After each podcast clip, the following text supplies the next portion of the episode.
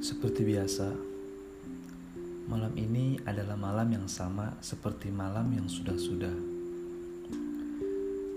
Rutinitas di dalam kamar membuka Twitter, membaca tweet orang-orang yang bacrit di dalam timeline. Terkadang senyum jika ceritanya menyentuh hati, kadang tertawa karena komedi.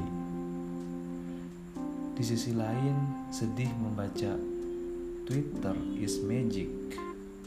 Pokoknya nano-nano lah. Beda halnya saat membuka IG. Terkesan semua feed isinya bahagia. Malah ada yang cuman story saja. Sampai titik-titik malah. Mungkin separuh hidupnya di sana kali ya.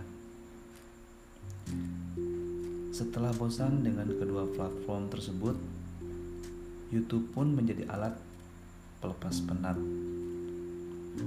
Hingga mata mulai berat, ingin tidur tapi pikiran masih kuat.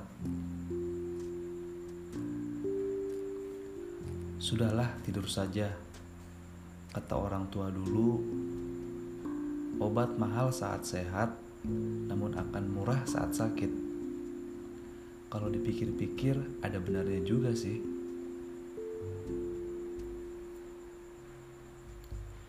Jadi kalau ada beban pikiran ataupun perasaan, baiknya jangan disimpan jika tidak kuat.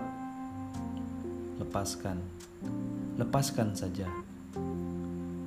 Ceritakan kepada orang yang tidak kau kenal. Itu sih saranku. Dulu aku pun pernah demikian tidak punya teman kepercayaan, apalagi yang idaman. Dari Semarang ke Cirebon, sepanjang perjalanan kereta, aku pun terus bercerita kepada teman yang duduk di sebelahku. Entah dia siapa. Dengan lepasnya kami pun bersua dan bercerita. Hahaha sampai meneteskan air mata. Rasanya bebanku berkurang beberapa persen. Tak peduli dia siapa, intinya kita bisa saling berbagi cerita. Entah dia sekedar menyimak atau membalas cerita.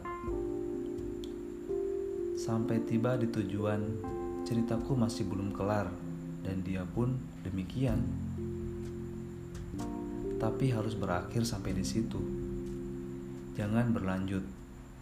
Biar jarak yang menghentikan rasa penasaranku ini. Oh ya, dia itu tujuan Jakarta, aslinya orang Padang.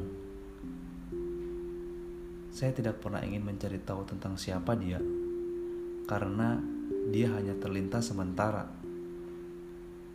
Alam bawah sadar, sadarlah.